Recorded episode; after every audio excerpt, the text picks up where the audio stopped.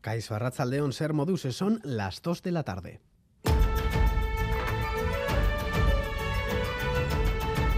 Crónica de Euskadi con Lier Puente. La crisis de Osakidecha por las destituciones en la OSI de Donostialdea no mengua. Las explicaciones ayer de la consejera Gochones Agardui no parecen haber calmado las aguas. Hoy en Radio Euskadi hablábamos con la jefa del servicio de urgencias del Hospital Donostia, Aranza Aguiló. Desconfía de los anuncios de diálogo.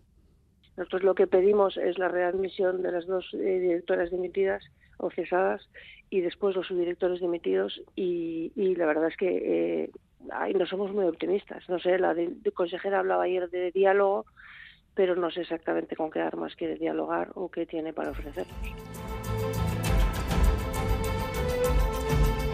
La oposición ya no solo pide explicaciones, eh, también el cese de Gochones Sagardo y el gobierno vasco, que ha comenzado a hablar de la polémica tras varios días de silencio, se mantiene abierto al diálogo. Vingen Zupiría.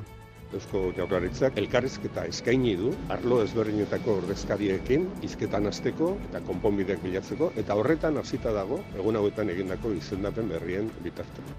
La polémica sigue aunque sea festivo por el Día de la Constitución. Los políticos trabajan hoy, algunos para reivindicar la Constitución y otros para darle la espalda e ir a trabajar como un día laborable más. El acto central para alabar la Constitución se ha celebrado en Madrid y como ya es tradición no han acudido ni nacionalistas vascos ni catalanes. Escuchamos a Pedro Sánchez en Madrid, a Aitor Esteban en Bilbao. Y por eso hago un llamamiento más a la responsabilidad de los eh, partidos conservadores de la oposición para que cumplan con sus obligaciones constitucionales, porque mientras no lo hagan no van a poder dar ninguna lección de constitucionalismo. Pues si pueden aguantar hasta una nueva legislatura, hasta que lancen luego los dados y se vea qué mayorías hay, ah, lo van a intentar. Bueno, pues ese es el valor que se da a la Constitución por parte de los constitucionalistas. EH Bildu también trabaja hoy, reivindica competencias exclusivas para que Euskadi avance también en un sistema educativo público soberano. Plantea que la futura ley de educación suponga un salto en la euskaldunización, entre otros aspectos. Y debe traer un salto cualitativo en la euskaldunización, en la laicidad, en la inclusión y en la transformación pedagógica. Es momento también de tejer proyectos educativos municipales, construyendo relaciones de cooperación entre distintos centros de un mismo municipio y hoy celebración de Concheilua por su 25 aniversario. Han aprovechado el acto para pasar el testigo en la Secretaría General de Paul Bilbao a Idurres Isabel.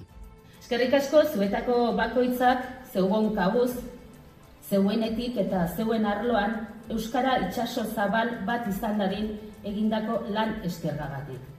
Durante este informativo tendremos la oportunidad de entrevistar a la nueva secretaria general de Conceyua, Idurre Esquisabel. En Vitoria, esta mañana, ha aparecido un jabalí muerto en la puerta de la mezquita del barrio de Mariturri.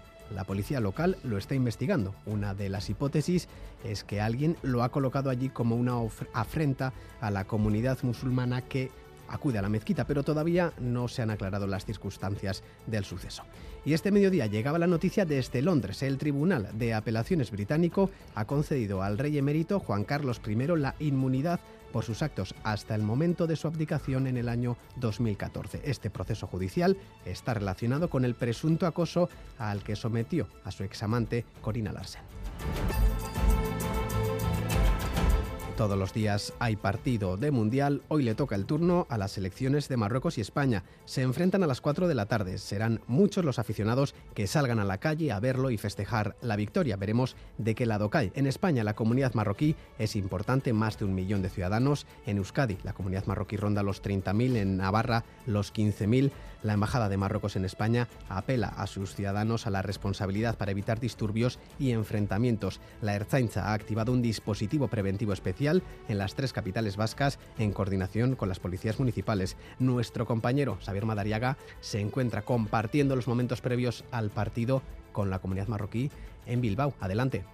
Faltan apenas dos horas para el encuentro y aquí en San Francisco ya calientan motores con bares como este, el Casablanca, llenos de jóvenes con bufandas de la selección marroquí. Sí, nosotros eh, somos de, dos madres. De España y nuestra madre y Marruecos son los dos. Así que es que lo que gana, yo pienso que, que todos vamos a ser contentos. Todos los gaupaseros, los más madrugadores, los del té con menta desde primera hora, también los que a lo largo de la mañana han ido abriendo los negocios, todos tienen aquí claro el resultado. 3-1 para Marruecos. Claro. ¿Tú qué resultado? 2-0 para Marruecos, claro que sí. Marruecos, todos Marruecos. 2-0.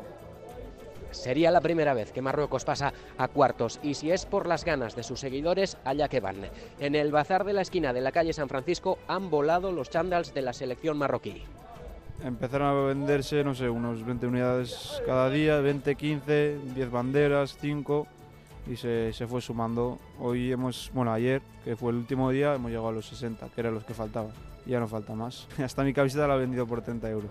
Seas cafetería, peluquería o incluso frutería en la calle San Francisco de Bilbao, si no tienes una pantalla 4x4 no eres nadie. Así es que por falta de televisores donde poder seguir el encuentro no va a ser. La Erzanza, por cierto, ha preparado dispositivos preventivos en zonas como esta, con una gran comunidad marroquí. Entre los locales de San Francisco hay quienes nos dicen que para evitar jaleo no piensan retransmitir el partido, pero en el fragor de la batalla y con todo un barrio animando a Marruecos será difícil resistirse. Es que ricasco, Xavier. De lo estrictamente deportivo hablamos con nuestro compañero de deportes Álvaro Fernández Cadierno, Arrachaldeón. Arrachaldeón es España-Marruecos, es uno de los dos partidos de octavos de final. A las 8 se juega también el Portugal-Suiza. Además, acaba de concluir en Andúba, en Miranda de Ebro, el amistoso jugado por el Atlético con victoria rojiblanca ante el Valladolid por dos tantos a cero. En balonmano, Vidasoirún se mide esta noche al Eurofar Macedonio en la European League en fútbol sala. Osasuna Magna recibe al líder al Barça y tenemos también pelota mano parejas en el Beotíbar, el Ezcano Tolosa, Pello Echeverría Rezusta. Es que ricasco Álvaro, vamos con la información meteorológica de la mano de Euskalmet, Yorander Arrillaga, Arraza León. Caixo a Racha León, tarde los claros van a ser más amplios, sobre todo en la mitad norte, pero de nuevo a últimas horas se va a cubrir el cielo y de forma dispersa puede llover algo.